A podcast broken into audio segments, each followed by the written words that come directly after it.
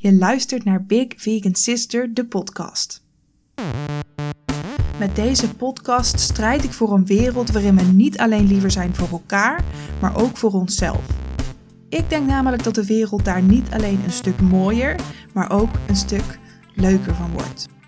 Ik ga in gesprek met verschillende gasten en met mezelf en neem je mee langs allerlei onderwerpen die bijdragen aan een mooiere wereld. Ik ben er voor iedereen die iets wil doen en die een verschil wil maken in een wereld die letterlijk en figuurlijk in de fik staat. Ik neem je mee aan de hand, want ik ben tenslotte je Big Vegan Sister.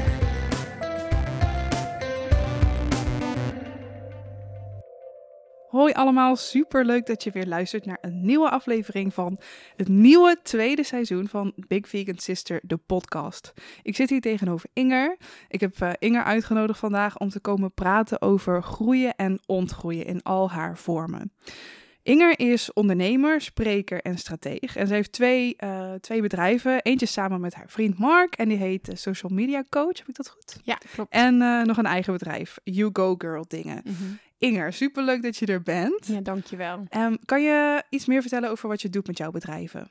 Ja, kan ik. Um, aan de ene kant dus de social media coach, daar ben ik strateeg. Um, dat betekent dat we echt strategie ontwikkelen voor merken en uh, mensen, persoonlijke personal branding, uh, trajecten doen we, we leiden teams op. Dat is echt, echt op de social media kant. Voorheen was dat heel erg beheer, daar wilden we van af, omdat we meer strategen zijn. Dus we willen meedenken, adviseur willen zijn en coaching doen we. En aan de andere kant heb ik You Go Girl dingen. Um, you Go Girl ding officieel is de naam van mijn bedrijf Inger Vierhout, mijn gewone naam. En wat ik daar doe is, ik spreek nu veel op evenementen. Ik doe coaching één op één sessies uh, in Eindhoven. Ik heb net vandaag voor het eerst mijn klant voor een drie maanden traject Woe! gedaan. Ja, nice. vet leuk. Dus, uh, en ik ben bezig met online tools te ontwikkelen om nog meer mensen te helpen met zelfvertrouwen en persoonlijke ontwikkeling. Cool, ja. cool. Inger, jij bent voor mij echt de koningin van de pep talks. ik vind het zo heerlijk. Jij zit vol met zelfspot. Je bent echt zo'n frisse wind door mijn Instagram. Um, en wat ik heel erg bewonder is jouw uh, schijnbaar eindeloze optimisme, jouw positieve energie. En ik heb ook het idee dat jij heel goed weet wat je wil. Is dat zo? Ja. Is dat altijd zo geweest? Nee. nee kan je daar iets over vertellen? Ja, kijk, ik, moet het, ik, ik vertel het altijd, maar ik, ik was echt een compleet ander mens. En dat is, iemand zegt soms, dat, ja, dat ligt door de puberteit, vind ik voor wat, maar ik wilde gewoon nooit zoveel. Ik, ik zat op HAVO, op de middelbare school, en het enige wat ik wilde was erbij horen en beste vriendinnen hebben. En uh, feestjes en jongens en aandacht. Mm -hmm. En... Um, op een gegeven moment kwam er bij mij zo'n punt. Ik zat inmiddels op HBO. Of, ik was net afgestudeerd. Ik was een heel zwaar jaar. En ik merkte gewoon, ik wilde meer. Ik wilde, ik wilde gewoon meer van mezelf. Afstuderen ging super slecht. Ik ben met een 5,5 afgestudeerd uiteindelijk. Mm. Ik was gewoon teleurgesteld. En um, toen merkte ik, ik, wil, ik wilde gewoon meer. Dus toen heb ik echt een hele bewuste beslissing genomen om het anders te gaan doen. Ik wilde een ander persoon zijn. Dus ik begon opnieuw aan mijn fit girl fase. Die had ik daarvoor al, maar die ging uh, door afstuderen weer even. Ik was weer niet gaan sporten. Je kent dat misschien wel. Dat je dan ups en downs hebt in een andere verandering. Maar toen besloot ik heel bewust: oké, okay, ik ga met mezelf aan de slag. Ik wil een ander mens zijn. En op dat moment veranderde eigenlijk alles. Ik ging dus en meer van mezelf verwachten, maar ik ging ook meer voor mezelf kiezen. Um, ik besloot om niet meteen na het afstuderen een baan te vinden, maar bij mijn bijbaan te blijven. En de rest van de tijd me te focussen op fitness, persoonlijke groei. Ik wilde, ik wilde gewoon blijer zijn, zelfverzekerder. Ja. Ik wilde voor het eerst in mijn leven vol zelfvertrouwen zitten. En daar, toen begon het. Ja. En dat is inmiddels, uh, hoe oud ben ik nu? Ik ben bijna 28, dus dat is acht jaar geleden ja. ongeveer. Ja, weet je, ik vind het zo tof aan jou, wat heel veel mensen...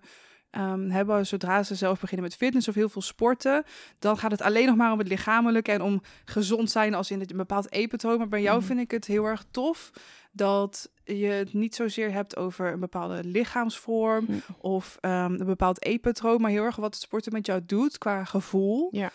Um, voor mij is sporten best wel een eng ding. Mm -hmm. Vooral zeg maar als je als dik persoon een een fitnesszaal binnenloopt, dan heb ik, dat hoeft helemaal niet zo te zijn natuurlijk, nee. maar heb ik altijd het gevoel dat mensen meteen al een mening hebben. Maar dit zou mij zeg maar het gevoel geven dat het voor mij ergens veilig is om ook te sporten en zo. Dus daar wilde ik je eigenlijk gewoon even voor bedanken. Nou, dat is lief, dank je. dat is wel ook weer zo'n proces waar ik wel doorheen ben gegaan. Ja. Ik had zelf heel veel oordelen naar mijn eigen lichaam toe. Ik had heel veel oordelen toen ik begon met sporten. Um, ik had er heel veel problemen ook mee. Ik had wel echt een, een, een verkeerd zelfbeeld daarin. Ja. Dus dat is zeker wel een proces waar ik doorheen ben gegaan. Van verslaafd aan sporten en eh laxeermiddelen. Echt wel een heftige periode Mhm. geweest. Echt van een obsessie. Toen ik uiteindelijk merkte van luister, geen één coach, geen één traject, geen één afvalding gaat mij gelukkig maken. Alleen ik. Ja. En ik word wel echt oprecht blij van sporten. Dat was, dat, dan verandert er iets. En dat Ja. is dus iets wat ik nu heel erg de afgelopen drie, vier jaar wel echt naar buiten probeer te brengen. Want ja. je wordt niet gelukkiger in dat nieuwe lichaam, in dat andere lichaam. Je wordt gelukkig omdat je dingen doet waar je blij van wordt. En dat is het verschil. Ja, dat vind ik echt super mooi. Ja, En ehm, zeg maar dat gevoel dat jij krijgt van sporten, het, het fijne wat het met jouw lichaam doet, zeg maar het positieve gevoel wat je ervan krijgt, heb je dat ook met andere dingen? ja. Waarmee? Nou, ik heb er dus vorig jaar voor het eerst heel erg gemerkt met ehm, spreken.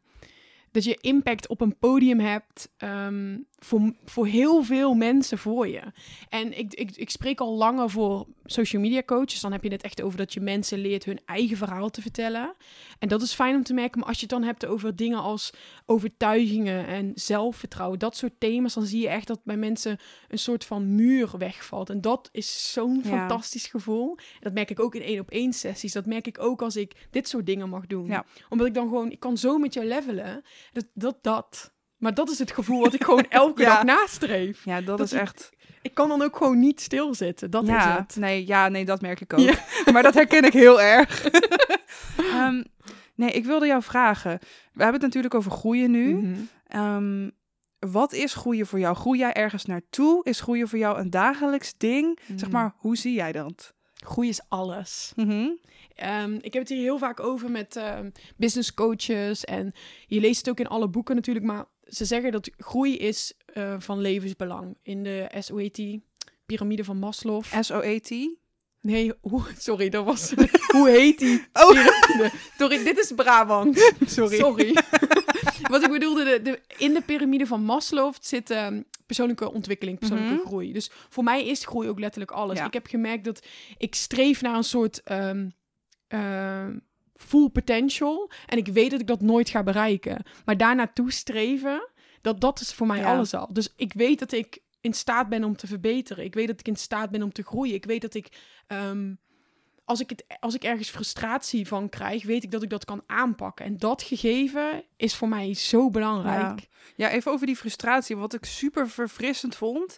Ehm, ik weet nog heel goed, jij sprak op het Business Babes event van eh, Ellen Huizenga. Ehm, en ik stelde een vraag, je zat in het panel. En Ja. ik had net die dag daarvoor een podcast geluisterd waarin het ging over blijven hangen in comfort. Mhm. Ehm, en toen zei ik tegen jou, hoe, hoe weet je dat je jezelf niet blijft saboteren door te blijven hangen in comfort? En hoe durf je zeg maar te kiezen voor wat je echt wil? Bijvoorbeeld, ik zeg maar wat je baan opzeggen of wel die onderneming starten. Of... En toen zei jij, ehm, in plaats van te kijken naar...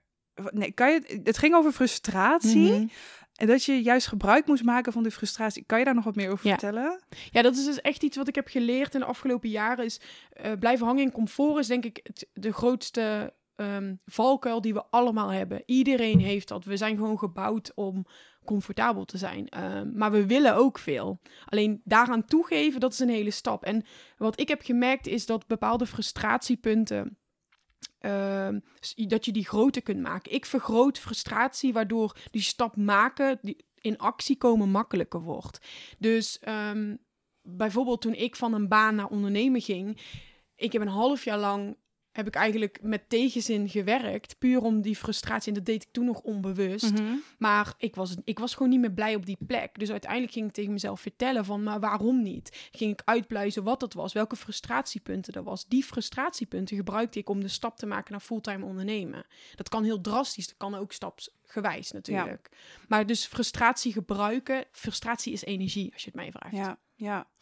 Ehm, en hoe zorg jij ervoor, zeg maar, dat je herkent, dat je weet waar je naartoe wil groeien? Dus hoe je die frustratie op de juiste manier inzet. Hoe weet je, zeg maar, wat je nou eigenlijk wil?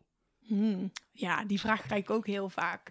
Weet je, ehm, ik denk niet dat je alles hoeft te weten wat je wilt. Maar er zijn wel dingen waar je energie van krijgt, waar je nieuwsgierig naar bent, waar je altijd af en toe over nadenkt of wat je vaker zou willen doen. En ik denk als je je nieuwsgierigheid op die manier volgt, dus Eh, tot in de kleine dingen van uh, taarten bakken in je eigen keuken. Ehm, gesprekken aangaan met ondernemers die iets doen wat jou interessant lijkt. Zonder dat je er ook maar überhaupt iets over weet. Ga die nieuwsgierigheid na. Achterna. En ik denk dat je vanuit daar dan beslissingen kunt nemen om vaker te doen in plaats van te blijven denken. Ja. En dat is, dat is tenminste iets wat ik probeer te doen. Ik was um, uh, blogger eerst. Toen besloot ik dat ik ook bootcamp coach kon zijn. Toen besloot ik dat ik content marketeer, blogger en bootcamp coach kon zijn. Toen besloot ik dat ik ook nog ondernemer kon worden. Ja. Dus toen ging ik geen content marketing meer doen voor een bedrijf, maar als de social media coach ja. zijnde. Nou, in, in die rol, die, die, daar ben ik een soort konijn in, waarin ik overal naartoe huppel. Want Ja. ik probeer gewoon uit. Dus ik denk dat als je niet weet wat je wil, als in Justin Bieber wist al vanaf dat hij drie was dat hij wilde zingen. Als je dat niet hebt, wat Ja. heel veel mensen niet hebben, dan ga gewoon kijken wat vind ik leuk om te doen. Welke activiteiten zijn dat? Welke hobby's? Welke mensen kijk ik tegenop? Dat soort dingen. Ja, ik denk dat het ook heel erg is. Ik ben sowieso super eens met wat je zegt. Maar ik denk dat het ook heel erg is dat je durft jouw eigen woorden en jouw eigen waarheid, zeg maar van jouzelf of wat je zegt over jezelf, actief te veranderen. Oh, wauw. Ehm, want ik heb bijvoorbeeld heel lang gezegd, ja, ik ben echt geen ochtendmens. En Mhm. ik heb ook heel lang gezegd, ja, ik ben een pessimist. Zeg maar, toen ik een Mm. jaar of 15, 16 was, vond ik het heel cool om de hele wereld te haten. Alles was negatief, alles was Mhm. kut. Ja. En ehm, tegenwoordig ben ik juist heel blij dat ik kan zeggen dat ik eigenlijk gewoon een optimist Mhm. ben. Ehm, en probeer ik gewoon vroeg op te staan. En zeg ik niet meer tegen mezelf, ik ben geen ochtendmens. Mhm. Maar zeg ik, ik hou van de ochtend. Ja. Want hierom en hierom. Ja. En ook probeer ik zelf al bijvoorbeeld een bepaalde expertstatus te claimen. Want ik kan wel heel lang blijven denken van... oh, het lijkt me zo leuk om te spreken. Maar als ik spreker in mijn titel zet... dan weten mensen dat ik het doe. Ja. Maar ik denk dat het heel vaak ook een bepaalde schroom is... om, omdat je het gevoel hebt dat je die, eh, die titel nog niet in mag nemen. Dat je er Ja, nog niet bent. Dat is alles. Dat Ja. is alles. We hebben te maken met zoveel overtuigingen over onszelf, maar ook nog eens dingen waarvan we denken dat het in ons DNA zit. Ja, Kijk, als ik heel even mag praten over eh, niet sportief zijn. Mhm. Ik lag weekendenlang op de bank vroeger. Ik frat M&M M&M's op. Ik, ik ging nooit sporten. Ik deed een beetje paardrijden. Rondjes. Ik dat was was ook niet paardenmeisje, actief. ja. ja, zeker. Ja, zeker. Was ik een paardenmeisje, ja. Eh, maar ehm, als je die defini- definitie kan aanpassen... en je hoeft hem er niet eens meteen in één keer om te draaien... maar als je er überhaupt al aan gaat twijfelen... Ja. dat is waar groei begint. Maar zolang jij jouw identiteit hangt aan dingen... waarvan jij volledig overtuigd bent dat dat het zo is... Ja. verandert er niks. ja Dus dan ga je ook niet vinden in dat kringetje van dit ben ik en dat is heel klein. Dat Ja. is dus pessimistisch, geen ochtendmens. Dan ga je nooit groeien. Ja. Daar moet je eerst uitkomen. Maar dat kan op ook, ja, we hebben gewoon te maken met superveel overtuigingen. Ja, absoluut. Over onszelf vooral. Hoe, ehm, zeg maar, als mensen bijvoorbeeld tegen jou zeggen van... Inge, ik heb zoveel negatieve overtuigingen over mezelf. Mensen komen daarbij ook met mij. Of ze zeggen bijvoorbeeld tegen mij... Lisa, ik heb gewoon het idee dat mijn verhaal niet gehoord mag worden. Het niet interessant Mm. genoeg is. Dat ik toch niks te zeggen heb. Dat alles al honderdduizend keer gezegd is. Als iemand zoiets tegen jou zou zeggen... maar diegene heeft wel een bepaalde droom... of, of iets waar die naartoe wil groeien...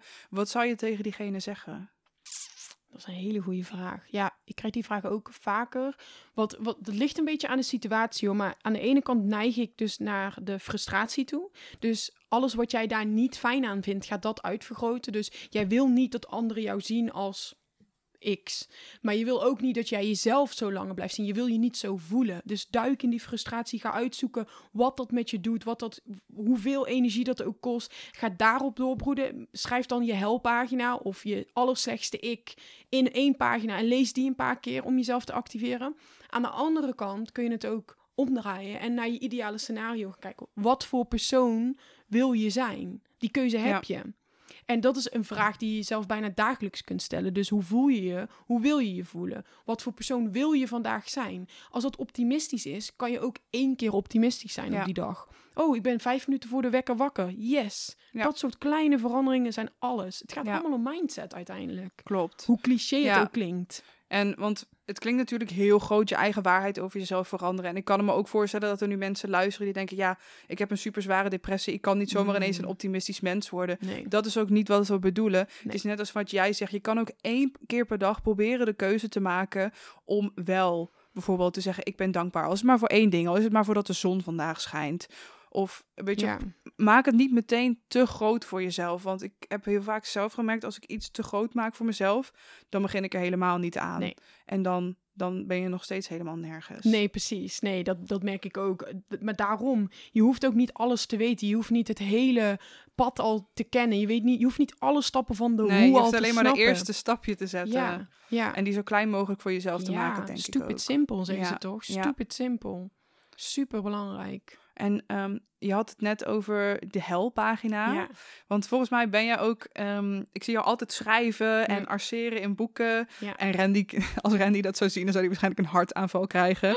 Maar ik, eh, ik heb soms ook wel eens de neiging om dat toch te gaan doen, het arceren in boeken, omdat je dingen dan toch wel beter onthoudt. ja. Maar heb jij... ehm, nee, allereerst wil ik graag vragen, wat is een helppagina? Ja. En daarna hoor ik heel graag van jou, zeg maar, heb jij bepaalde, bepaalde systemen of bepaalde dingen, patro of ehm, ritueeltjes die je iedere dag doet? Bijvoorbeeld door met schrijven of zo. Dan komen we daarna. Maar eerst de helppagina. De helppagina, Want ik denk dat dat mensen best wel eh, kan helpen. Ja, dit is best wel een bekende techniek in de pers- personal eh, ontwikkeling wereld. Yes. Sorry. Er staat in heel veel boeken verschillende manieren ontwikkeld. Ehm, maar het gaat er dus over dat je een verhaal hebt over jezelf in de allerslechtste scenario vorm. Wat je je kunt bedenken. En wat ik daaraan toe heb gevoegd is dat ik het, ik schrijf het in ik vorm. En ik schrijf het in, eh, op de persoon. Dus dan ben ik die persoon die ik niet wil zijn. Dus ik schrijf niet een scenario als in... dan verlies ik mijn huis en, en alles. Maar dan schrijf ik ook echt bij... dan ben ik negatief. Dan Ja. ben ik niet meer in staat om groot te denken... of om anderen te inspireren. Dus ik doe dat op een hele persoonlijke manier. Maar wat het in essentie dus is... is, is het je allerslechtste slechtste scenario uitgeschreven aan jezelf. En die heb ik dan op de laatste bladzijde van mijn boekje... En mijn boekje is alles. Mijn boekje heb ik bij altijd, overal naartoe. Dat boekje gebruik ik om mijn doelen in op te schrijven, om mijn dromen, om alles wat ik leer, schrijf ik daarin op. Iets heel actiefs. En op die laatste pagina is, dus die pagina, de helppagina, waarin ik mijn slechtste variant van mezelf heb beschreven. En Mhm. wat dat dan voor gevolgen heeft voor mijn situatie. Ja. Ja, En, en gaat het dan puur over wie jij bent als persoon? Of ook bijvoorbeeld over de, je leefsituatie dan? Of... Ja. Oké, oké. Ja, ik heb het dus echt over eh, wie ik ben als persoon dan. Dus als ik continu naar mijn inner critic luister, als ik continu eh, gemeen ben tegen mezelf of negatief, wat heeft dat dan voor effect op het leven wat ik leid? Ja. En dan is dat bijvoorbeeld, dan ben ik geen ondernemer meer. Moet ik weer van 9 tot 5 voor een baas gaan werken die me niet waardeert? Ja. Dat soort dingetjes zijn voor mij hele pijnlijke dingen, omdat Ja. ik dat absoluut niet wil. Ja. Ehm, en die zet ik in, niet elke dag, want dat is wel heel heftig. Maar die zet ik wel in op momenten dat ik ehm, gewoon voel dat ik het nodig heb. Ja. Dat ik zoiets heb van, nou, ik kan wel even een schop onder mijn kont gebruiken. Of ik kan wel even, ik kan, ik kan even in die pijn duiken. Ja. En dat, dat is voor mij zo'n enorme energiebron. Ja, en dat is natuurlijk ook voor iedereen helemaal persoonlijk. Want misschien denkt iemand wel, Zeker. wow, ik wil heel graag een 9 tot 5 baan. Ja, precies. Dus het is ik, vooral, ehm, zou ik zeggen, schrijf vooral, ga heel diep bij jezelf na wat voor jou Ja, hetgene is wat het tot een hel zou maken. En niet wat zogenaamd voor de wereld het schrikbeeld is. nee. Dus als jij ehm, als eh, hoogopgeleide eh, vrouw, eh, moeder van drie kinderen, eh, de hele week thuis wil gaan zitten omdat je daar het allergelukkigst van wordt en niks Ja. wil doen met je academische carrière, dan mag dat ook. Dat, maar dat is het. Dat is het. het is, ja, ik, ik denk dat persoonlijke wik- ontwikkeling draait om jezelf beter begrijpen. En jezelf beter begrijpen we- hoort dus ook bij dat je weet wat jij wil. Ja. Dat is super persoonlijk. Ja. Kijk, ik kan alleen vanuit mijn perspectief mijn helppagina schrijven. Ik zou nooit jouw helppagina Ja, kunnen nee. schrijven. Dat is een proces. Dat, dat, voor mij zijn er jaren aan vooraf gegaan van te ontdekken wat ik niet wil. ja, En met dat in gedachten kan je in een pagina schrijven. Maar dan moet je jezelf wel begrijpen en kennen. ja. Dat is het proces, denk ik. En ik denk ook vooral schrijven, you know, write like nobody's watching. Sowieso. Desnoods, weet je wel, verstop de pagina, verbrand hem of zo. Maar ehm Verbranden zou ik niet doen, nee, dan kan je dat niet meer zonde. inzetten. Ja, dat maar is zonde. het is Stop voor hem in de niemand kluis. anders, Nee, het is ja. voor niemand anders. Het is echt alleen voor jou. ja, en, en ik zeg daar dus ook altijd bij, en dat is ook weer met nuance, net wat werkt voor jou, maar ik ben dan niet lief voor mezelf. Nee. Maar ik, dat betekent ook niet dat ik die pagina iedere dag lees of dat ik zo tegen mezelf Ja, praat. voor het slapen gaan, ja. Nee, dat zou niet goed zijn Nee. voor mezelfbeeld. Nee, Maar nee. het is, het is mijn allergrootste angsten in combinatie met frustraties van vroeger, in combinatie met alles wat ik niet wil zijn, Ja. is dat. En dat kan, maar niet zolang ik er eh, iets aan doe. Ja. En dat is het. Dat is ook een fijne, fijne we fijn om te weten. ja, een goede reminder ook, denk dat ik is vooral. het, ja. Goed woord. Ehm, ik vroeg je net al even of je bepaalde ritueeltjes hebt, zeg maar, om Ja. je eigen groei in gang te houden. Ja. Ehm, heb je een bepaalde dagindeling of bijvoorbeeld iets wat je altijd op een bepaald moment van de dag doet? Of neem ons mee in, in wat Ja. je doet. Nou, ik, ik ben dus helemaal niet van de structuur. Alleen er is één ding wat ik elke dag doe. En dat is dat ik opsta met mijn blauwe boekje en mijn boek wat ik op dat moment aan het lezen ben. Dus ik lees elke dag. Ehm, dat doe ik sinds twee jaar of zo. En ik schrijf dan ook door mijn eh, blauwe boekje. En terwijl ik dat boekje open, in het begin van dat boekje staan al mijn doelen en dromen beschreven. Dus dat is een soort verhaal wat ik aan mezelf vertel van alles wat ik wil. En dat betekent niet, het zijn niet alleen materialistische dingen als in ik wil een jeep rijden, maar dan wel het liefst een elektrische of wat dan ook. Maar dat zijn ook echt, uh, deze impact wil ik maken. Dus dat is echt zo'n energie die ik mezelf dan geef. Dus dat is een soort van kickstart voor mijn dag. Daar begin ik mijn dag mee. Vanuit de mogelijkheid dat ik in staat ben om anderen te helpen, om impact te maken, om, weet je, die You Go Girl spirit voor te zetten. Ja. Dat, dat, dat, zo wil ik mijn dag altijd beginnen. En voor de rest, ik kun het niet zien, want ik maak hier een raar gezicht. Maar voor de rest hou ik niet van structuur. Ik hou van ruimte creëren. En daar ben ik nu meer mee bezig in 2020. Ja. En jij deelt ook iedere week op zondag, toch? Oh ja, dus ook Alle, een ritueel. Ja, die vind ik altijd, daar kijk ik altijd heel erg naar uit. Oh, Tell us about it. ja, klopt. Wow, daar had ik niet eens aan gedacht. Dat is zeker, dat is ontstaan omdat ik merkte dat ik nooit stilstond bij iets. Terwijl ik kon in een week, kan ik soms zoveel dingen meemaken die ik wil onthouden of lezen. Waarvan ik denk, wow, dat heeft me echt wakker geschud. Ja. En nu is dat al drie jaar, is dat een ritueel op zondag, dat ik een samenvatting vaak maak van mijn week in combinatie met dingen die ik heb gelezen, geleerd, die me op zijn gevallen. Heel veel quotes zijn dat en uh, ervaringen. Ja, dat is zo fijn om terug te blikken. Ja, ik vind het altijd heel fijn, vooral omdat het op de zondagavond is. Want ik denk dat heel veel mensen ook wel bekend zijn met het zondaggevoel. Ja. Dan moet ik zeggen, sinds ik meer ben gaan ondernemen, heb ik het veel minder. Ja, gek hè? Maar het is zo'n fijne manier om. Het is echt gewoon een boost aan positiviteit en inspiratie en liefdevolle schoppen onder je kont ook erbij. Het is soms ook tough love, maar ik vind het heel fijn en heel inspirerend om, om iedere zondag dat langs te zien komen. Het is echt even zo'n uh, liefdevolle peper in je reet of zo. Ja, dat is voor mijzelf ook echt. Ja. Ik vind het ook zo fijn. Ja. Het, eh, eh, vooral ook, het is echt zo'n momentje geworden waarin ik echt, weet je, ik heb mijn inbox dan openstaan. Ik heb dan heel veel gesprekken. Mensen gaan hun eigen ervaringen delen over die quotes of over die verhalen die ik dan deel. En dat is zo'n fijn momentje. Dan heb ik weer dat gevoel van die impact. Ja. Ja, het is heel, ik vind het fantastisch. Ja, ik ook. Thanks dat je het even herinnert. Ja, jullie moeten alleen daarom ook sowieso Inger gaan volgen. Gewoon Inger Vierhout uh, op Instagram. Oké, om eventjes, uh, we hebben het heel erg over groeien gehad. Um, om even door te gaan op ontgroeien, want bij groeien hoort ook mhm. ontgroeien. Um, en loslaten. Dus dat kan van alles zijn. Net als bijvoorbeeld het, het loslaten van een waarheid over jezelf. Wat we net ook al even benoemden. Mm dat kan best wel pijnlijk zijn. Heb jij, heb jij zelf zo'n ervaring gehad? Ja, ik denk de allereerste keer dat ik me daar bewust van was, is dat je dus uh, in staat bent om dingen aan jezelf te veranderen. En dat dat al heel pijnlijk was voor mij, omdat ik merkte dat ik daar twintig jaar mee gewacht had, voor mijn gevoel. Dus ik kreeg eerst zo'n besef van, oh, ik ben in staat om te veranderen. En toen kreeg ik meteen het besef van, wow, heb je hier zo lang over gedaan? Weet je wel, meteen zo... Dat je bijna jezelf hoe zeg je dat? Kwalijk gaat nemen. Ja, dat je dat, niet eerder hebt gedaan. Ja, dat. Dat was heel even een fase. En toen had ik een soort van, oh, ik moet het inhalen. Ik moet de wereld inhalen. Ik moet sneller, ik moet meer, meer, meer. En dat is, dat is geen fijne energie natuurlijk. Dat was denk ik mijn eerste ervaring die ik met dat besef had. Maar daarna zoveel dingen. Alles gaat bij mij eigenlijk daar, dat gaat er eigenlijk altijd aan vooraf. Dus dan heb ik het over sales. Ik dacht dat ik gewoon niet goed was in sales voorafgaand daaraan dacht ik dat ik überhaupt niet in staat was om grote dingen te doen. Ik dacht dat mijn leven gewoon bestemd was om, nou ja, tevreden te zijn. 6 plus. Moi, moi. Dat was het een beetje. Tot ik, dat is niet zo. Dat is iets wat ik zelf had besloten dat dat zo was. En dat moet je dan loslaten. Maar dan heb je opeens de wereld aan je voeten. Dat is een grote verantwoordelijkheid. Vooral als je dan kiest om fulltime te gaan ondernemen. Met een kleine buffer. Ja. Ja, dat kan denk ik ook uh, best wel verlammend werken. Of heb je daar geen last van gehad? Ja, zeker. Ja, zeker wel omdat in die, ik weet nog, die eerste paar weken als fulltime ondernemer dacht ik echt, ja, dit is het. Mhm. Nu moet ik in koffietentjes gaan zitten met mijn laptop. En um, ja, dit is het. Dat ik, ik, ik, werd er gewoon zenuwachtig van. En, en tegelijkertijd ben ik daar ook heel dankbaar voor. Um, want ik heb wel een bepaalde werkhouding ook daardoor gekregen. Ja. En ja, ik ben me wel bewust, weet je wel, dat je ook productief moet zijn. Niet alleen maar altijd moet werken. En al die, ja, je gaat gewoon over bepaalde dingen nadenken. Ja. Ja. Over welke dingen? Nou ja, op een gegeven moment weet je dus, je kunt dingen aan jezelf veranderen. En dan ga je opeens heel veel verschillende dingen wil je allemaal Ja, tegelijkertijd allemaal tegelijk, veranderen. En tegelijkertijd wil je ook een bedrijf bouwen. Maar je hebt dan twee bedrijven meteen, want dat had ik. Waarom? Hmm. Hmm. Ja, ik heb mezelf ook wel eens afgevraagd waarom ik het allemaal tegelijk doe. Maar dat is het.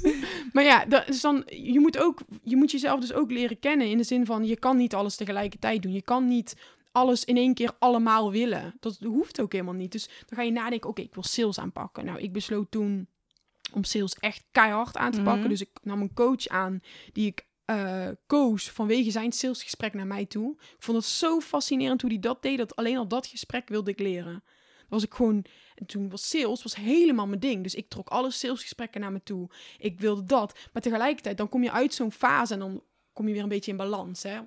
In groei, in de eerste fase raak ik altijd helemaal uit balans. Ja. En dan kom je daarna weer een beetje in balans. En dan moet je de rest ook weer gaan oppakken en verbeteren. En dan ga je weer een beetje de gaten zien, de ontwikkelingspunten, zeg maar. Dus daar ga je dan over nadenken. Ja, en ik kan me voorstellen, ehm, even als ondernemer tot ondernemer gesproken, het is altijd, je ziet natuurlijk vooral wat je zelf doet. Je ziet andermans highlight reel op, op Instagram en eh, dan kan je heel snel de gedachte bekruipen van, oh diegenen zijn dan veel verder of die zijn veel productiever of die leveren veel beter werk, al die andere ondernemers en ehm, hoe laat je jezelf niet gek maken door die gedachte dat anderen wellicht verder kunnen zijn in dingen dan jij? Hmm. Heel, veel, heel veel antwoorden heb ik hierop. Ten eerste, Bring it on. Oké, stap 1. Heb een streng volgpolicy.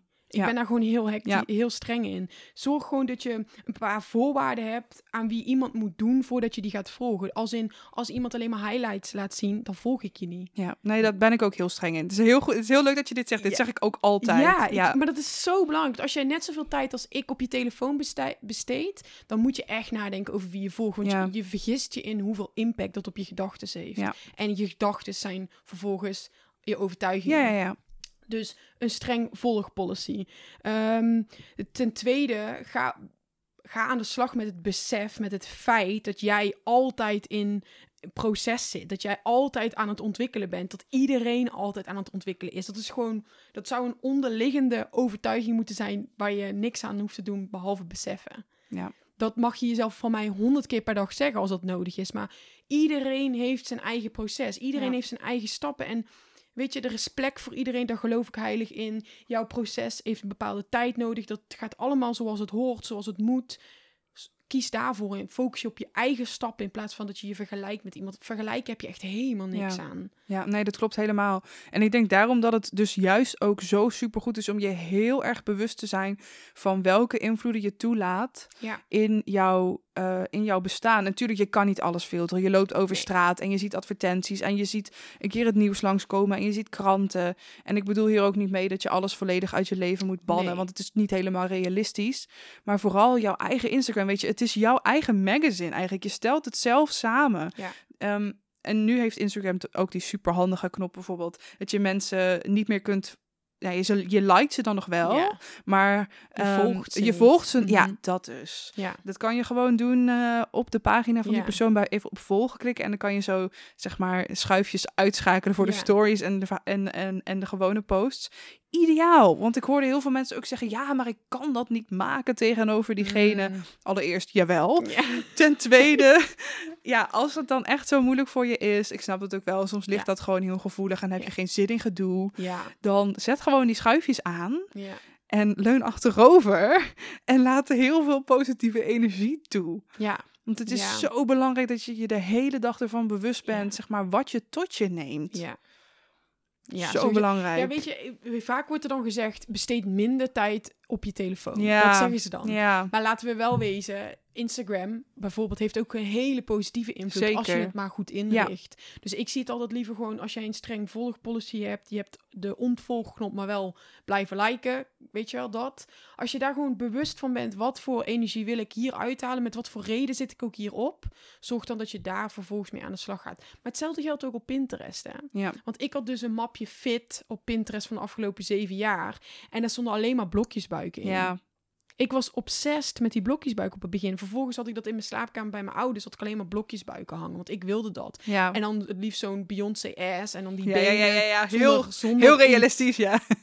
Echt, de standaard wat niet mogelijk is, dat was mijn ideaalbeeld.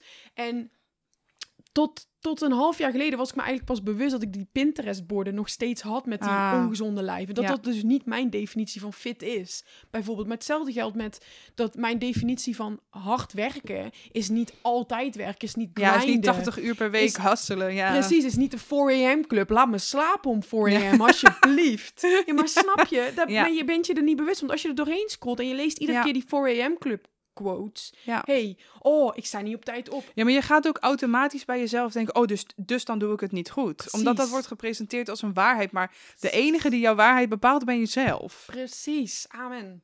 Dank u. Dat is, ja, maar dat is het. Want je moet, wat ik dus echt, echt wil benadrukken, is dat je jezelf een definitie geeft aan alles wat je leert. Dus je kan iemands tactieken wel fijn vinden, maar ga dan eerst zelf aan de slag. Maak hem je eigen en zorg dat je die aanneemt. Niet Ja. één op één kopieert omdat iemand zegt dat is zo. Ja, Net zoals wat ik net zei over die helppagina. Voor mij werkt die heel goed op die manier. Maar misschien is die voor jou net even getweakt beter. Ja, Perfect. Doe tuurlijk. dat. Ja. Doe dat. Altijd na blijven gaan. Wat werkt voor mij? Wat vind ik hier eigenlijk van? Dus nogmaals, groeien is jezelf Ja. beter leren begrijpen. Ja, absoluut. 100 procent. 100% Ja, denk ik ook.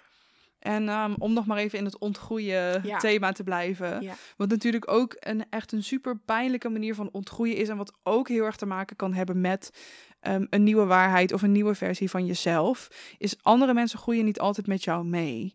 Ehm, je kan het nog zo leuk hebben gehad met iemand, maar het kan zijn dat iemand bijvoorbeeld de versie van, jij, van jou die je nu bent of die je aan het worden bent, niet meer leuk vindt of je komt op de een of andere manier niet meer overeen met elkaar. Mhm. Dan weet ik dat jij op je Instagram en zo heel open bent geweest over eh, hoe dat is gegaan bij jou toen jij Ja. bijvoorbeeld bepaalde mensen ontgroeide. Ehm, zou je daar wat meer over willen vertellen? Ja hoor. Ja. Ehm, ik weet even niet meer hoe lang dat al geleden is. Maar op het moment dat een jaar na mijn afstuderen, dus een jaar zat ik in dat proces van zelfontwikkeling. Ik merkte, kijk, ik was echt een partygirl. Ik stond ieder weekend op de tafels in de kroeg. En zo kenden mijn vriendinnen me natuurlijk ook. Mijn vriendinnen waren ook zo. We hadden gewoon de grootste lol. En je moet je voorstellen, wij waren echt een clubje. We waren beste vriendinnen. Alles wat ik ooit, ooit wilde, was dat. En dat was ook echt fantastisch. Maar op het moment dat ik veranderde, heel bewust. En dus ik wilde gezonder leven. Ik wilde blij zijn met mezelf. En meer met mezelf bezig zijn ook. Ik was gewoon een compleet ander mens. En bij mij is dat best wel snel gegaan Ja, zij herkende die versie van mij niet. En ik ehm, vond het heel moeilijk om dat eh, te vertellen of om dat openbaar te maken of zo. Ik, ik kon mensen niet meenemen terwijl ik bezig was in dat proces. En ja, die vriendschap liepen echt op een einde. We hebben nog vergaderingen gehouden over eh, wat ik zou kunnen doen om het weer terug naar het oude te brengen. En ja, op dat moment was het. Ik was boos. Ik voelde me onbegrepen. Ik voelde geen ruimte om te groeien. En zij waren natuurlijk teleurgesteld. En zij misten mij ook. Ja. Dat kan ik nu zeggen. Maar toen dacht ik alleen maar: ja, hallo. En ik dan? Ikke. En weet je wel, ik was echt boos en gekwetst. Want je allerbeste vriendschappen. Die, die houden op. En dat probeerde je nog vast te houden. Terwijl jij een heel ander persoon bent. Op een heel ander level aan het leven bent. Niet hoger of lager bedoel ik daarmee. Maar gewoon anders. En ik hield me dus zo vast aan dat zij mijn beste vriendin en zij begrijpen mij niet. En zij zei dat was een vriendin van ons, maar ze, weet je, wel, is niet meer dezelfde. Dus het was zo'n complete shift dat we gewoon op een gegeven moment kwam er een punt. ehm, mijn vader had een hartstilstand gehad. Wij waren opgebeld en eh, we moesten naar het ziekenhuis. Wij zaten daar. We wisten nog niet of dat hij het zou overleven. Best wel heftig. heftig. Ja, sorry even, maar dat ah, helemaal oké. Geen sorry zeggen. Helemaal oké. Ja, nee, is het goed zonder- gekomen? ja, is, Oké, hij is helemaal oké. Was helemaal gelukkig. goed. Maar dat was even zo'n moment, alles staat stil. Ja, ja niks is, niet, niets doet er meer toe. Nee, dan. en dat is heel raar, maar dat was dus midden ook in het, in het proces dat we vergaderingen hielden en dat ik er gewoon minder was, dat ik minder behoefte had, dat ik echt dacht, fuck dit. Weet je wel, wat zijn we aan het doen? Dus ik verwijderde mezelf uit de groepsapp. En dat klinkt als iets heel geks, maar dat, je weet zelf ook, als je Ja. jezelf verwijdert uit de groepsapp zonder Ja, dat is echt aankondiging, een ding. Dat, dat is groot. Dus op dat Ja. moment dacht ik, oké, nee. Er zijn belangrijke dingen, er zijn andere dingen in het leven, weet je wel, dan dit. En ehm, toen hebben we wel nog even contact gehad over van ja, voor, voor, voor hun was het natuurlijk ook een, eh, een proces. Maar ik dacht gewoon nee, dit niet meer. Niet meer gedwongen dingen doen of vergaderingen houden of pogingen tot. Dus nee. En toen kwam het proces van heel, best wel veel eenzaamheid. Ik Ja. had Mark ondertussen wel al leren kennen. Die zat meer op dat, in datzelfde wereldje als ik, waar ik naartoe wilde. En Ik heb een hele lieve zus. Ik heb hele lieve ouders waar ik, eh, ja, waar ik me wel goed voelde. Maar mijn wereldje was opeens Ja, heel klein. Ja. Want alles wat was, dat was allemaal niet meer. Al mijn oude vriendinnen, dat hield allemaal op. Mijn hele oude wereld, ja. daar was ik uitgestapt met die ene klik op WhatsApp. En dat was echt boom. En toen, pas op de momenten daarna, weet je wel, Koningsdag. ehm, al die highlights in een jaar, toen kwam die eenzaamheid. Toen besefte ik me dat ik die oude versie af en toe ook miste. Maar dat is letterlijk ontgroeien. En dan ga je door een, een nou, rouwproces heen van jezelf. Ja. En ook, ik denk dat het heel mooi is wat je nu zegt. Dat je af en toe nog wel, zeg maar, datgene miste wat je had. Maar ik denk dat het heel belangrijk is. Ik weet niet of jij dat ook zo had. Maar ik kan ook nog wel eens dingen missen die ik had. Maar dat wil niet zeggen dat ik terug wil. Nee, dat. En ik denk dat dat vaak heel erg verwarrend kan zijn. Want tuurlijk kan je dingen missen. Weet je, als er een meest verschrikkelijke relatie ever uitgaat, dan zul je misschien ook nog wel denken: ach, maar diegene had, zulke, had zo'n leuke hond of zo. Ja, weet dan ga ik zo missen. Wil nog niet zeggen dat je zeg maar Nee, alles dat. terug wil wat erbij hoort. Nee, en, en dat, dat is dan ook weer een proces, denk ik. Dat, daar zit ook weer, zeg maar, jezelf opnieuw uitvinden. En zoals bij mij kwam er toen een soort van overtuiging... dat ik dus niet goed was in vriendinnen. Ja. Dat ik niet goed was in vriendschappen. Dus ik hoefde ook niks meer. Nee, ik wil niet meer... Ja, dan is het heel makkelijk om dan als het Ja. ware in dat discomfort te blijven hangen. Ja, Want ja, ik ben toch niet goed in vrienden, dus ik hoef ook geen nieuwe vrienden te maken, want dat kan ik toch niet. nee, precies. Ja. Ja. of ja ik, ja, ik heb toch geen vrienden die zelfspot kwamen bij. Of ehm, Oh ja, Dat je- grapjes over jezelf maken om anderen voor te zijn. Ja. Kijk, en ik- het is, het is niet zo dat ik helemaal niemand meer had. Juist niet. Ik, ik kan me echt... Ik, ik stapte gewoon uit een bepaalde wereld en ik, ik, ik besloot toen nog meer. Oké, Mhm. ik kies voor mezelf. Hoe pijnlijk dat ook is. En Ja. ook op die momenten dat je net zegt van... Dat je dan niet terug wil. Nee, inderdaad, je wil niet terug. Alleen, dan moet je jezelf dan wel weer uitkrijgen uit dat stukje Ja. zelfmedelijden. Om het Ja. even lullig te Ja, noemen. maar is het wel. Ja. En dat mag soms ook. ja. Dat mag Ja. soms ook. Ja, en ik denk dat dat... ehm, bij mij was dat zeg maar het gevolg van afscheid nemen van een oude Inger. Dus ontgroeien van een oude Inger. Ja. Dus je vroeg net, wat is groei voor jou? Ik koos een jaar daarvoor, koos ik, ik wil een ander mens zijn. Dat was echt een beslissing. Ik ging zes keer op vakantie om, om na te denken en om te filosoferen over het leven en allemaal dat soort dingen. En daarna dacht ik, wa- wat heb ik nu allemaal nog uit mijn oude leven waar ik me aan vasthoud? En het was allemaal meer onbewust dan nu. Hè? Nu Ja, ja, kijk ik daar heel bewust op terug. Maar dat was gewoon afscheid nemen van het laatste restje oude Inger. Hoe lullig dat ook klinkt. En heb je je dan ook wel eens afgevraagd, zeg maar, wie jij was zonder hun als vriendengroep? Zeg maar, had je het nog moeite om als het ware weer een nieuwe Inger te definiëren, los Ja. van hun? Ja, ja weet je, nogmaals, ik, ik stond in de bar op de, op, de, op de tafels. En op een gegeven moment, ik ging dus een fase doorheen waarin ik alles wat ik vroeger deed belachelijk vond, stom vond. Hoezo is dat ooit goed geweest? Dus ik ging een fase in waarin ik superveel ging sporten, nog meer. Ja. Ik, alles moest gezond zijn, alles moest perfect zijn. Maar ook alcohol hoef ik nooit meer. dat is belachelijk. Waarom heb je dat ooit gedaan? Die hele weekenden verprutst. En dus alles was ook stom. Dus ik ging even Ja. zo'n fase door waarin ik die oude identiteit ook bijna belachelijk maakte. En verschrikkelijk vond. En dat is dan ook weer zo'n fase. En daarna kwam eigenlijk ook pas meer het besef van dat er een nieuwe identiteit van Inge kwam ontstaan. Dus nogmaals, je gaat door een fase van groei heen. Raak je eerst uit balans en dan kom je weer bij zinnen. En dat was bij dat ook. Dus ik kwam weer een beetje bij zinnen en toen moest ik weer opnieuw met mezelf aan de slag. Dus ik ontmoette mensen met wie ik echt kon levelen. En toen dacht ik, wow, is dit dan vriendschappen voor de nieuwe Inger? Ja. Weet je wel? Dus dat, dat stapje voor stapje ging dat ook. ja, want hoe is dat toen gegaan? Want je zei eerst van, eh, net van, ik was eerst best eenzaam toen. Ja. Ook al had ik fijne mensen om me heen, wat ook echt super herkenbaar is voor heel veel mensen, denk Ja. ik. Ehm, hoe is dat toen gegaan? Zeg maar, hoe heb jij weer nieuwe leuke mensen leren kennen? Ja, die, die vraag krijg ik ook vaak. Maar ik denk dat er dus een fase van vooraf ging dat ik mezelf dus beter leerde kennen. Meer voor mezelf, mezelf meer waardeerde, om het Mhm. even zo te noemen. En dat ik vanuit daar ook bepaalde grenzen stelde over wat ik voor vriendschappen voor me zie. Ja, Dus ik kwam erachter dat ik geen vriendschappen wil van iemand die iedere week wil afspreken. Of die, eh, zeg maar, op de stoep kon staan. Of die van mij verwacht dat ik iedere highlight in haar leven onthoud. En dat klinkt nu heel lullig, maar ik ben gewoon... Ik krijg stress als ik heel veel dingen moet onthouden. En ik wil gewoon mijn prioriteit nu... klinkt weer lullig, sorry, ik ben misschien heel onaardig, maar mijn prioriteit is gewoon mezelf, mijn groei, mijn bedrijven, Tuurlijk. dat leven Ja. creëren. En op dat moment wilde ik ook gewoon niet, ik wilde geen regels, laten we het zo noemen.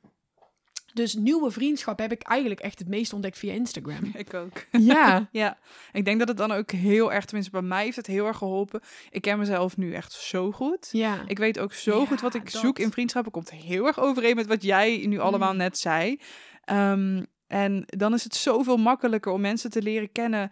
Want weet je, eerst natuurlijk, je hebt verschillende fases in je leven. Op de basisschool heb je waarschijnlijk, leer je mensen kennen op de middelbare school, tijdens je studie. En soms stopt het daarna. Soms eh, groeien mensen met je mee. Soms blijven ze in je leven voor Ja. altijd. Groeit het niet, maar is het nog altijd leuk. ja. Maar we hebben nu zeg maar niet meer die bepaalde fase dan waarin je mensen leert kennen. Het is, en als je jezelf nu zoveel beter leert kennen, is het ook zoveel makkelijker om de juiste mensen om je heen te verzamelen. Ook omdat je heel snel al herkent van oké, ik ben wel of niet compatibel met deze persoon, Ja. zeg maar. Mhm. Ehm, ik ben nu ook veel duidelijker in ehm, aangeven van mijn eigen behoeften of bepaalde Mhm. grenzen. Ehm, ik, ja, weet je, ik ben de belangrijkste persoon in mijn eigen leven. Dus ik Mhm. wil gewoon ook heel graag gelukkig zijn en ook in mijn vriendschappen. En dat houdt voor mij bijvoorbeeld ook in dat ik niet twee keer per week met dezelfde persoon iedere week af ga spreken. Want daar heb ik geen tijd voor, daar heb ik geen ruimte voor. Nee.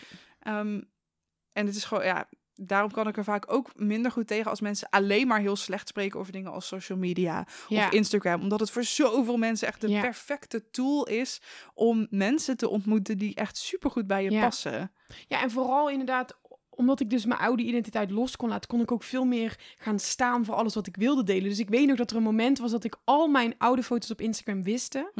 De wijnselfies, de weet ik veel wat. Alles wist ik en ik begon opnieuw. Dat hoorde Ja. ook bij die nieuwe Inger, zeg maar. Dat is echt zo'n heel lang proces geweest. Waarin ik gewoon al die stappen eh, nam. En dus ook dat. En dus daar ging ik delen vanuit tips die ik wilde delen. Die energie die ik wilde geven. Dat nieuwe mens wat ik wilde zijn. Ja. En als je er vanuit daar authentiek durft te zijn, kwetsbaar durft te zijn, dan denk ik ook dat je die energie ook daar aantrekt. En dus anderen al jou kunt laten leren kennen voordat jij ze überhaupt hebt gezien. ja, dat sowieso. Dat sowieso. Ja. Ja.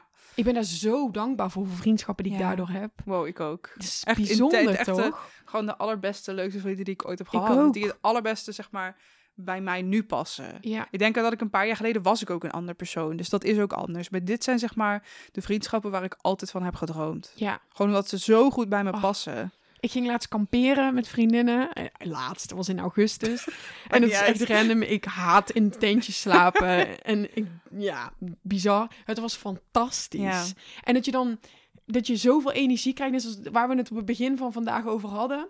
Dat, we, dat je dan energie krijgt, dat kun je ook van mensen krijgen. Ja, dat gegeven, wauw. Ja. Wauw.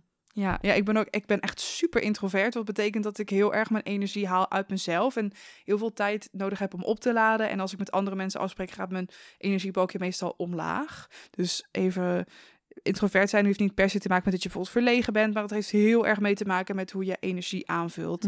Maar als ik met de juiste mensen afspreek, dan of mijn energie blijft gelijk, of mijn energiebalkje rijst de pan Mhm. uit. Dus Mhm. daaraan merk ik ook gewoon heel erg dat ik de juiste mensen heb gevonden. Ja. Maar nog even terugkomen op eh, het hele proces met jouw eh, nu ex-vrienden. Dat klinkt Ja. zo heftig. Ja. Ehm, hoe reageerde zij daarna erop? Heb je er nog wel eens, zeg maar, Hm. moeite mee gehad met bijvoorbeeld dan dingen te delen vanuit je nieuwe ik? Bijvoorbeeld op Instagram heb je wel eens gedacht, oh, wat denken ze hierover? Heb je nog Ja. wel eens reacties gehad? Was dat pijnlijk? Ja. Hoe ging dat? Ja, in het begin, echt begin, begin, toen het Mhm. allemaal net was gebeurd, toen merkte ik dat ik heel vaak ehm, op hun Instagram en hun Facebook ging Ja. kijken naar de, in de weekenden. Dus dat ik, dan zag ik in plaats van een selfie met vier hoofden, zag ik een selfie met drie Oh, hoofden. En dat was gewoon, dat was iets waar ik toen ook mee gekapt ben. Dus ik ben ze toen ook volgens mij gaan ontvolgen zelfs. Want ik merkte, dat deed me zoveel pijn. jezelf in bescherming nemen. Ja, en dat, dat, dat heb ik toen ook gestopt. Maar ik merkte dan ook nog wel dat ze mij wel bleven volgen. Gewoon misschien dat zij daar iets volwassener mee om konden gaan. Of op een andere manier in ieder Ja. geval.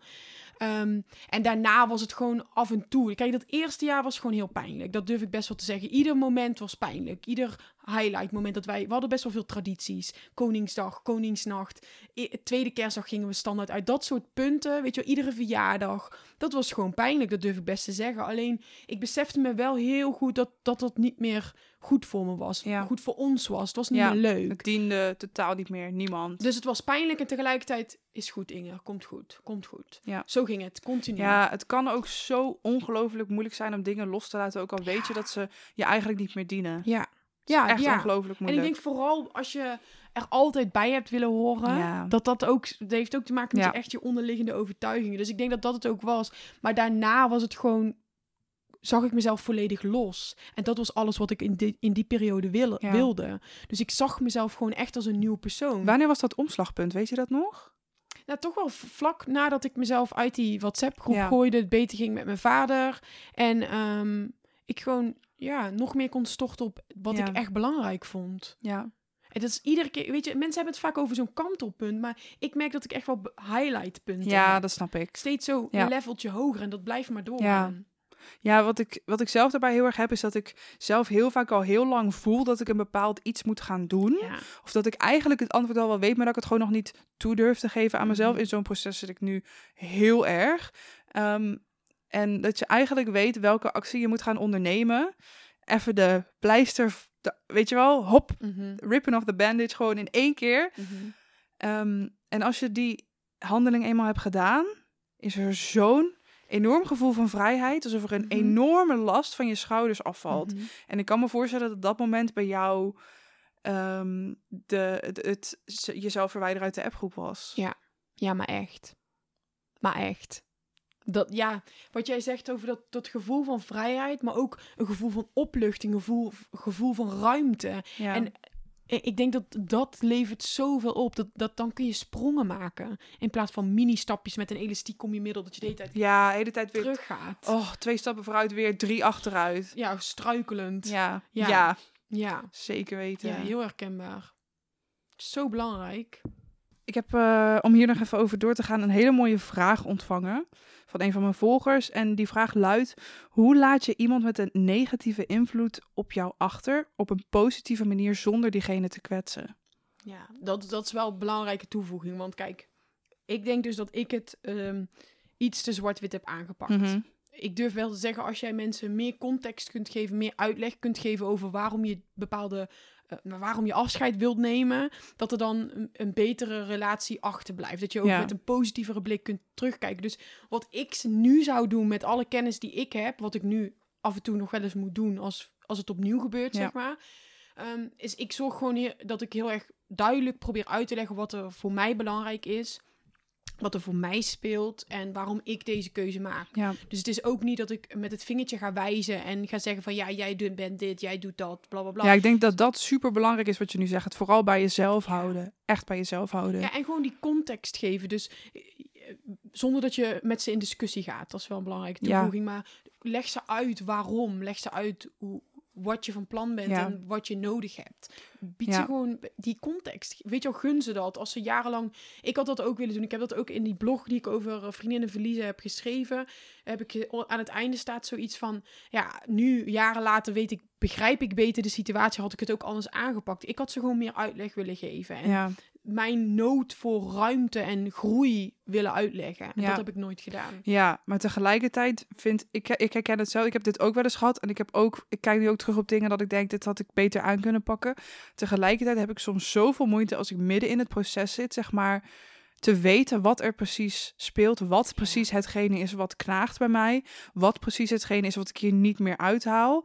Waarom ik per se nu deze keuze maak. Soms weet ik dat op dat moment gewoon niet. Nee. En misschien is het ook goed om dat dan juist te benoemen. Precies, dat denk ik wel. Plus, wat je straks ook zei, niet in discussie gaan. Vooral blijven bij, hou het dicht bij jezelf, maar blijf daar ook bij. Ga niet ineens allemaal andere dingen eromheen verzinnen om ruimte te geven om daar nog over in discussie te gaan. Want dan krijg je zo'n jij-ik verhaal. Ja. En dan ga je allebei met vingertjes wijzen. En dat is dus wat je juist niet Nee. wil.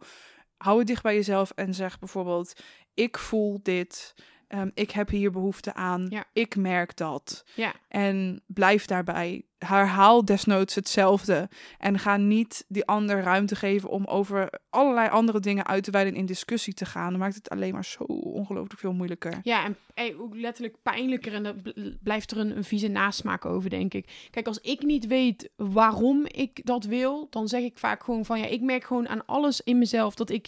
eh, dat ik een prioriteitenlijstje heb waar jij niet meer in hoort. En dat zeg ik dan iets vriendelijker. ja, ja. Maar dus dat ik, ik gooi het dan gewoon op wat er speelt. En dat is dat ik gewoon merk dat ik met tegenzin naar afspraken ga. En dat leg ik dan uit van luister, er is zoveel gaande. En ik kies er gewoon voor om mijn aandacht nu op iets anders te vestigen. Ja. En ja, ik bied ook best mijn excuses aan soms. Maar Ja, ja, de, ik hoorde laatst, ik weet even niet meer welke podcast het was. Maar toen had iemand een, eh, een bericht naar Brene Brown gestuurd. Mm. Omdat ze met, bezig was met een project. En ze dacht, oh, misschien vindt zij dit wel interessant. Want het had met kwetsbaarheid te maken. En ze kreeg echt een hele mooie, warme afwijzing terug. De, wat echt zoiets luidde als... ehm, bedankt voor je interesse. Wat fijn dat je hierbij aan mij denkt. Op dit moment is mijn prioriteitenlijst dit en dit en dit. Dus heb ik hier op dit moment helaas geen tijd en ruimte voor. Ik wens je heel veel succes. Zoiets zou je ook kunnen gebruiken.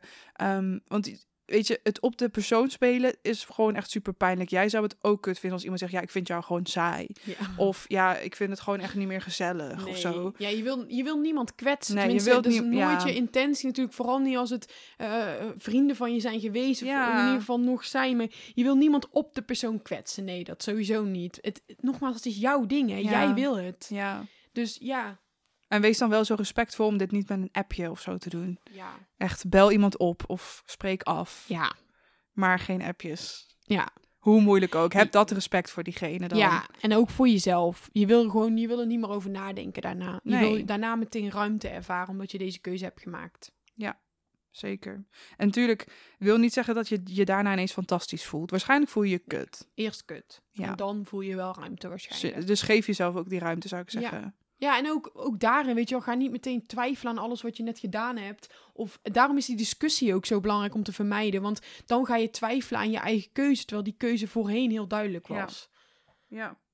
Ja, en Ja. het kan, weet je, als het, als het zo moet zijn, dan geloof ik altijd dat het weer goed komt. Ik kreeg laatst van een van mijn oude vriendinnen echt een berichtje. Ik heb moeten huilen, zo mooi vond ik het. Oh. Ik kreeg eindelijk het begrip voor mijn keuze, waar ik vijf jaar lang, zes jaar lang op heb Wauw. gewacht. Ja, was zo mooi. Wauw. Ja.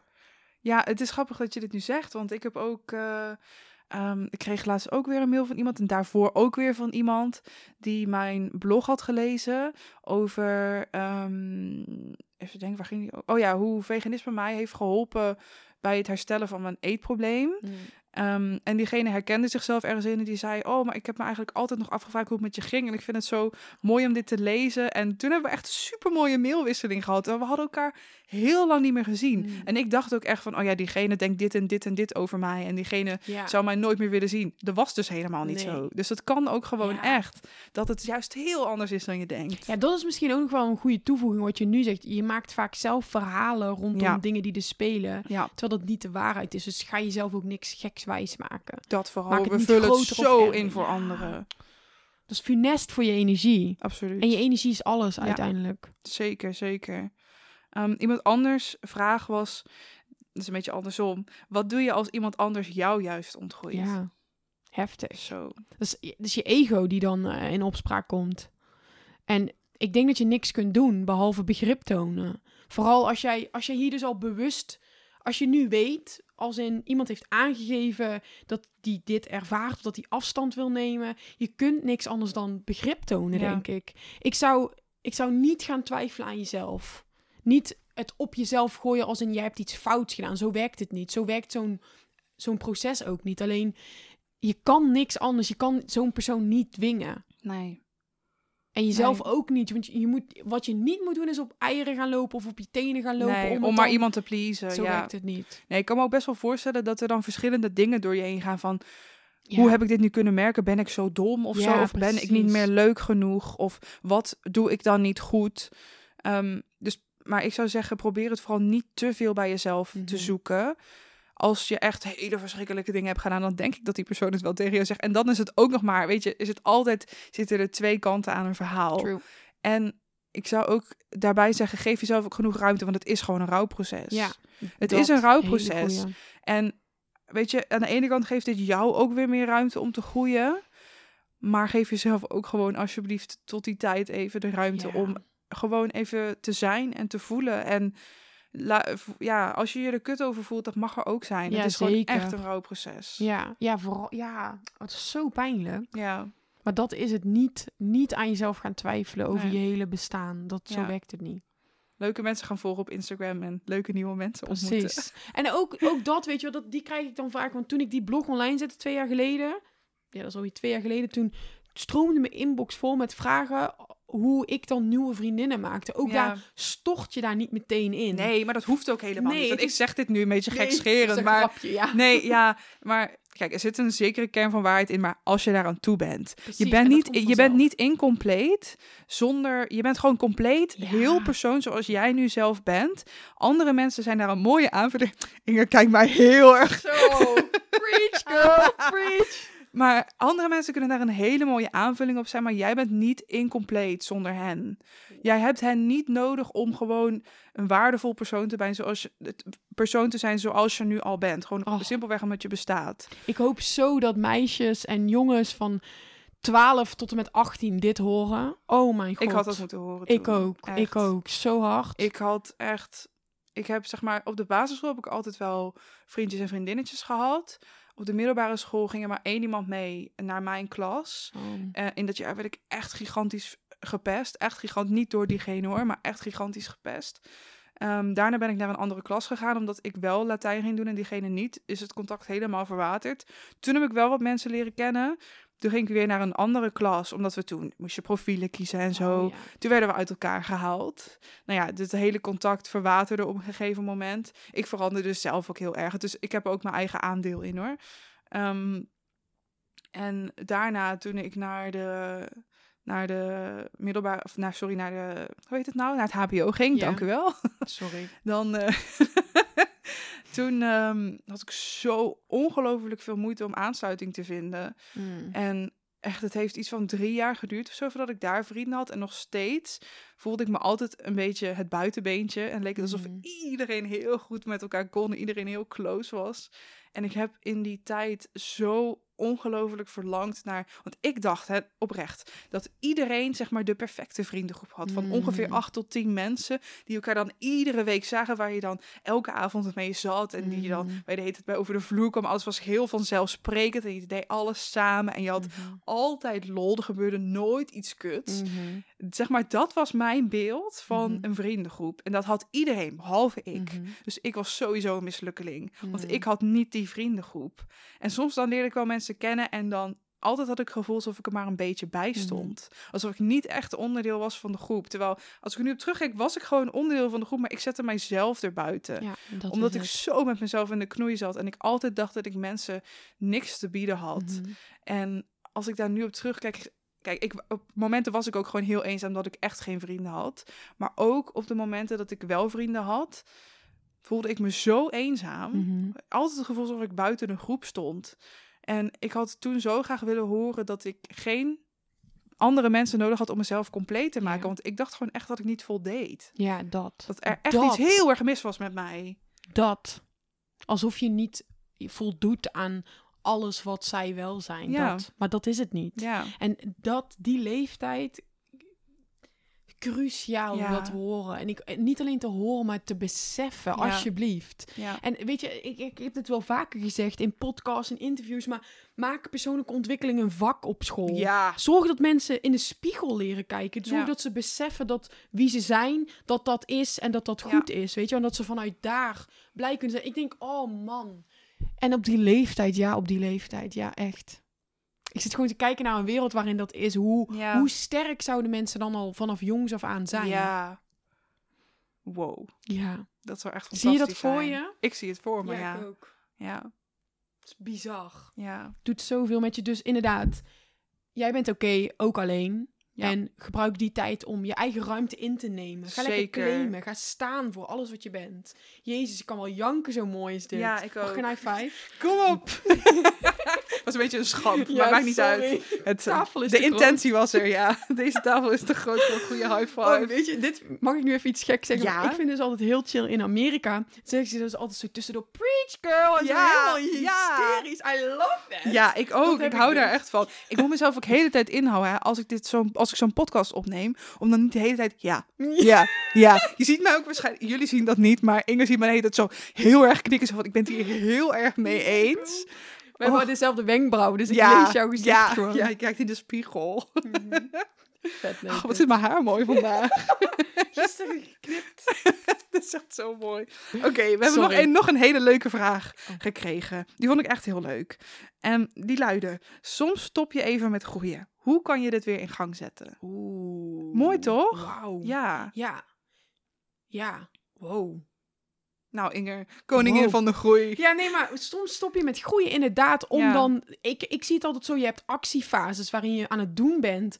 Ehm, ik weet niet wat je daadwerkelijk stopt als in stilstaat, Ja. of dat hetzelfde is. Alleen, hoe Een ga je... van plateau of zo wat je even hebt bereikt. Precies. Hoe ga je dat gevoel van stilstaan, stoppen, stopgezet worden, hoe ga je dat aan? Hoe ik dat dus doe, is met die helppagina. Ja. Dus als ik merk dat ik vastloop, blokkades ervaar, dan ga ik kijken naar alles wat ik niet wil. Ja. En vaak als ik dan daarin bewust word, gebeurt er iets in me. Ga ik dus bijvoorbeeld ehm, kijken of welke regels ik los moet laten die ik Ja. heb. Welke patronen die ik heb, ik even los moet laten. Kijk ik of dat er ruimte is voor een weekendje weg of een weekendje alleen of een vakantie of weet je wel. Soms stop Ja. je met groeien. Wat een goede vraag. Dit is zo'n persoonlijk proces, denk Ja. ik. Hoe doe jij dat? Ja, ik denk dat het allereerst ook heel belangrijk is om te beseffen dat ehm, allereerst het soms oké is als het heel even gewoon kabbelt omdat je niet altijd, ja, weet je, je hebt gewoon verschillende fases in je leven. En ik denk dat, je, dat het heel belangrijk is dat je heel goed naar jezelf luistert, naar wat je op dat moment nodig hebt en aan kan.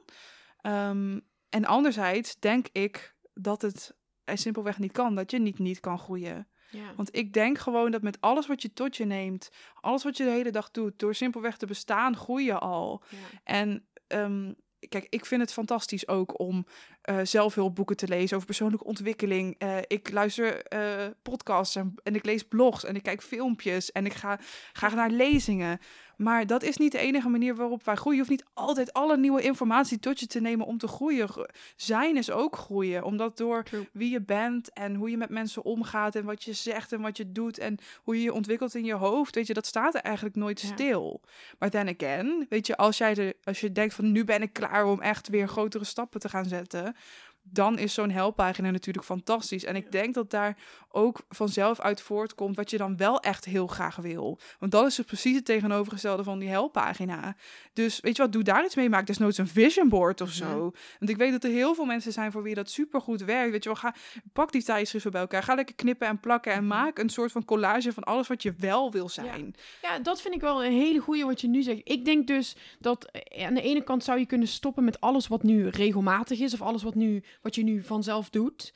Ehm, dus heel even, het kan ook een dag zijn of een halve Ja. dag. Het kan ook, weet ik veel. Het kan op zoveel manieren. Heel even, pas op de plaats. Heel even op die manier naar jezelf gaan kijken, van buitenaf. Dus als je, kijk, ik denk dat de vraag ook een beetje is van hoe kan ik zorgen dat ik in actie kom. Ja, dat, is het hem- denk dat ik is het denk ik ook heel erg. En dat is ook een persoonlijk proces die continu verandert. Dus vroeger kwam ik in actie, weet ik veel, als ik wist dat er s'avonds iets op tv was, wilde ik daarvoor nog even iets doen. Ja. Nu kijk ik helemaal geen tv meer, wil ik gewoon, kom ik in actie als ik weet wie ik daarmee kan helpen. Ja. Wat ik daarmee kan bereiken, wat dan ook. Dus zorg dat je, ja... Zorg dat je even pas op de plaats doet. Van buitenaf naar je eigen situatie kijkt. Weet wat je niet wil. Ga vanuit daar denken wat je wel wil. En ga dromen. Dat is ook Ja. zoiets fijns. Ik vind dromen is echt iets wat normaal gesproken alleen kinderen mogen doen. Als wij dat als volwassenen doen, dan ja, wat nou? Dromer is ineens een heel negatief begrip of zo. Waarom? Het Je is kan- fantastisch. Alsof je alleen maar een dromer of een doener kan zijn, maar geen combinatie. Ik weet niet, maar toen wij net nadachten over een wereld waarin persoonlijke ontwikkeling Ja. een vak is op de middelbare school, ik, ik krijg kriebels in mijn buik. Ja, ik ook. Ik zie roze wolken, alles. Ik zie, Same. ik zie een fantastische wereld. Als ik over dat soort scenario's nadenk, waarin ik bijvoorbeeld oh, een TED-talk mag geven, lekker wegdromen bij dat idee. Wow, Ja, maar dat, dat wakkert je vuur toch aan en daarna ga je het doen. dat, dat. Dus die vraag, ik weet hem al niet meer, maar ga, ga even dromen. Ja, Dus ik, ik zei een paar dingen. Jij zei ook een paar hele goede dingen. Al die dingen ga ze doen. ja, Ga vooral even van buitenaf naar jezelf kijken. ja. En ga dromen. En als je het nou lastig vindt om te beginnen, maak het klein. Lees één hoofdstuk uit een boek. Of tien bladzijden. Of twee. Ook zoiets belangrijks. Ga Inger volgen. Ja. Maar zo Ja. belangrijk. Mensen denken dan... oh, ik wil meer gaan lezen. Maar Ja. dan willen ze meteen een boek per week Ja, en dan moeten Doe ze- normaal. Mo- En mensen moeten ook op de een of andere manier altijd boeken uitlezen van zichzelf. Helemaal, van begin tot eind. Waarom? Als iets niet met je resoneert, leg het weg. Precies. En Doe, als iets- verdoe niet je tijd. Als hoofdstuk 1 wel met je resoneert, hoofdstuk 2 is stom, sla Ja, hoofdstuk 2 over. Daarom. En ook als jij wel wil arceren in een boek. en niet- Arceer in een boek, maak ezelsoren. maar even serieus, op het moment dat ik wilde, meer wilde gaan lezen, dacht ik, mijn moeder is ook echt van de boeken netjes houden. Geen ezelsoren. Oeh, nee, nee, nee, nee. Liefst ook niet rechtop neerzetten, plat. Dat soort dingen. Ik ben zo niet. Ik ben slordig. Ik laat alles vallen. Ik loop overal tegenaan. Als ik ergens voorzichtig mee om moet gaan, verlies ik mijn interesse erin. Ja. Dus op het moment dat ik die regel losliet, wat ik net zei, laat je eigen regels even los. En in mijn boeken mocht scheuren, plakken, knippen met een lila marker, wel door alleen lila, mocht asseren. Werd lezen opeens helemaal mijn Ja. ding. Dus maak je eigen regeltjes. Kijk even naar de huidige regels die je nu hebt. Zijn dat wel jouw regels? Ja, of doe je dat gewoon manier- omdat de hele wereld het zo doet en het zo zou moeten? Precies. Dank u. Dat. Ja. Maar echt. Hey, en nog even één vraag om, eh, om dit Mhm. af te sluiten. Want ik zit helemaal vol met positieve energie. Om maar even over dromen door te gaan. Wat is nou jouw allergrootste droom? Oh man. Ik, eh, ik, ik, ze- ik omschrijf het altijd zo. Ik wil een leven vol vrijheid ervaren. En dat is dus financiële vrijheid, eh, vrijheid in tijd. Dus mijn eigen tijd blijven indelen. En ehm, ehm, die ruimte ervaren om te groeien elke dag. En dat, dat is zeg maar mijn zinnetje waarmee alles wat ik wil, ik zie ik nu voor me. Dat betekent dat ik een huis wil met misschien een paard in de stal achter.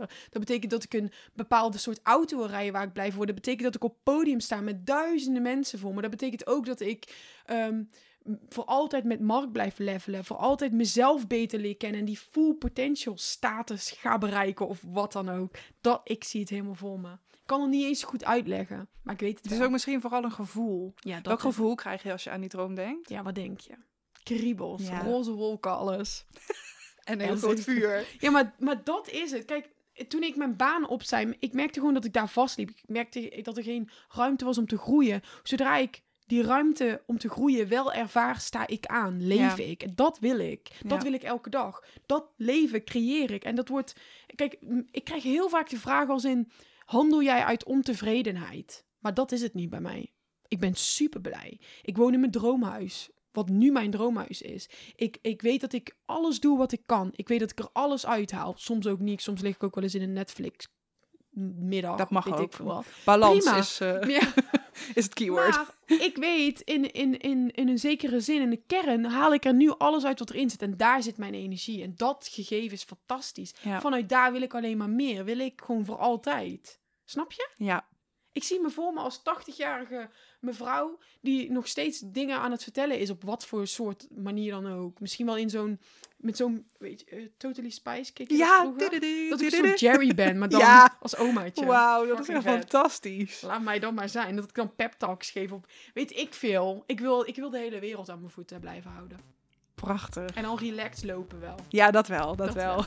Maar echt Of tempo. fijne sneakers. Oh, wat een slechte uitleg van mijn dromen dit. Nee, ik voel wereld. hem. Ik voel hem. Goed zo, thanks. Inger, dank je, dank je, dank je wel voor al deze goede vibes en al je wijsheden. Waar kunnen alle luisteraars jou vinden op het internet? Ik ben het meest actief op Instagram en ik heb ook een website, yougogirldingen.nl.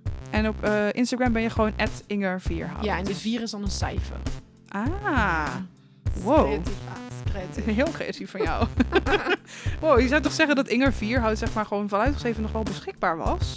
Ja, dat was ook, maar ik vond een cijfer Oh, je vond ze gewoon leuk. Oh nee, ik heb het fout. Dat was mijn Twitter. Zo, dit is slecht. Het is gewoon Inge Vierhout. Inge uitgeschreven. Vierhout. Uitgeschreven, mensen, Oh. uitgeschreven. Sorry. Denk Inge al. Vierhout op Instagram. Je hebt gelijk. Er was altijd allemaal anderen op Facebook, Ja, ja, ja, op Twitter, op alles. Oh, dom. Wat gek. Dat maakt niet in uit. een andere wereld doe je ook. Ja, sorry. Dat effect heb jij ook, mensen. Oké, lieve mensen, heel erg bedankt voor het luisteren. Vond je dit nou leuk? Dan helpt het mij heel erg als jij een hopelijk positieve review achterlaat. Het kan vooral op iTunes. Bij andere dingen weet ik niet eens of dat kan. Maar iTunes, dat, dat helpt. Ehm, mocht je nou zeggen, ik vind deze podcast echt te gek en ik wil heel graag dat die blijft bestaan. En dat die verbetert, dan kun je mij steunen op mijn patje.af account. Dat is patje.af slash bigvegansister. En dan kan je al vanaf een euro of drie per maand of zelfs eenmalig mij steunen om te zorgen dat de podcast blijft bestaan. Dat ik mijn gasten een bedankje kan geven, even met de knipoog naar Inger, er komt nog iets leuks aan. Dat ik reiskosten kan betalen, dat ik nieuwe gear kan kopen, zoals de dingen, ehm, de microfoons en de dingen waar ik nu eh, deze podcast ook mee opneem. Ja, ik wijs naar, maar jullie kunnen dit niet zien. Ik wel. Ach, Inger wel. Ehm, en tot slot gewoon heel erg bedankt voor het luisteren. Ik hoop enorm dat dit je op één manier of, of twee manieren of duizend manieren heeft geholpen. Als ik maar één iemand hiermee enigszins uh, het gevoel heeft dat ze er mogen zijn en dat ze, dat ze het waard zijn. Dat is waar ik het voor doe. Heel erg bedankt voor het luisteren. En wil je in de tussentijd meer Big Vegan Sister, dan kan je mij gewoon op Instagram vinden, at Big Vegan Sister, of via mijn website bigvegansister.com. Doei doei!